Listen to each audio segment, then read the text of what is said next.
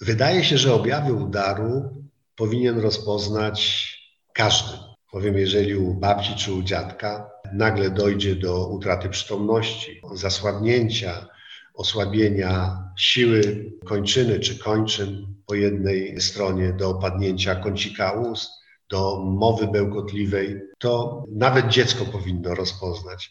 Powiem tak, że w trakcie szeregu kontaktów z neurologami oni mają ten sam problem z dotarciem, szybkim dotarciem pacjenta z udarem mózgu, tak jak my kardiolodzy z pacjentami z zawałem mięśnia sercowego. Ale co jest istotne, że jeżeli coś takiego się pojawi, nawet coś, co może być przelotne, czyli te objawy mogą się wycofać po krótkim okresie czasu, ale to jest bardzo złowieszczy sygnał. Pamiętaj o tym, że w tych pierwszych 30 dniach po takim incydencie może się ujawnić pełnoobjawowy udar mózgu. I też pamiętać należy, że nawet jeżeli mamy potwierdzone migotanie przedsionków, to przecież nie może być takiej bardzo prostej zależności myślenia u pacjenta, który ma szereg innych schorzeń, że jeżeli dojdzie do udaru, to tylko i wyłącznie z powodu migotania przedsionków. Nie. Mogą być odpowiedzialne za to istotne zwężenia miażdżycowe w tętnicach głowowych. O tym też trzeba pamiętać. To jest ten moment, kiedy jak już rozpoznajemy, to warto dodiagnozować tego pacjenta,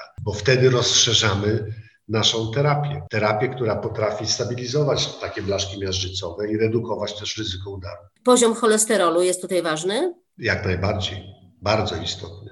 Pamiętajmy o tym, że im wyższe stężenia cholesterolu, zwłaszcza tego złego LDL cholesterolu, tym to ryzyko jest zdecydowanie większe.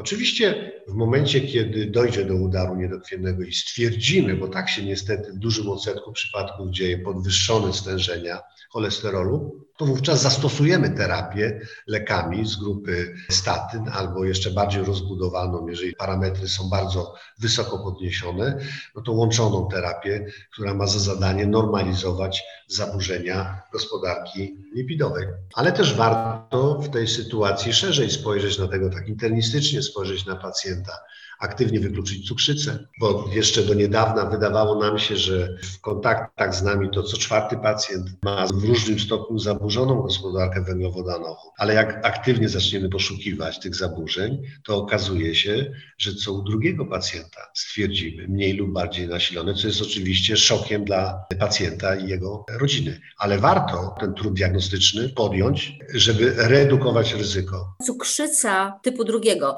ma wpływ tak. na udar? Absolutnie. Jest jednym z e, klasycznych czynników ryzyka każdego incydentu, tak jak my to określamy, sercowo-naczyniowego. Bo pamiętajmy o tym, że miażdżyca, owszem, ona daje manifestacje, czy to zawału serca, udaru, czy też niedokrwienia obwodowego, ale tak naprawdę jest to choroba ogólnoustrojowa. I każdy klinicysta odpowie, że im więcej manifestacji w jednym czasie, Czyli na przykład ostre niedokrwienie kończyny z udarem mózgu albo z zawałem mięśnia sercowego. To ten pacjent dramatycznie u niego rokowanie pogarsza się. To jeszcze tylko powtórzę, tu jest taki łatwy skrót od słowa udar, U, czyli utrudniona mowa, D, dłoń albo ręka opadnięta, A, asymetria twarzy i R, reaguje natychmiast, czyli dzwoni na 999 lub 112. To chyba warto zapamiętać.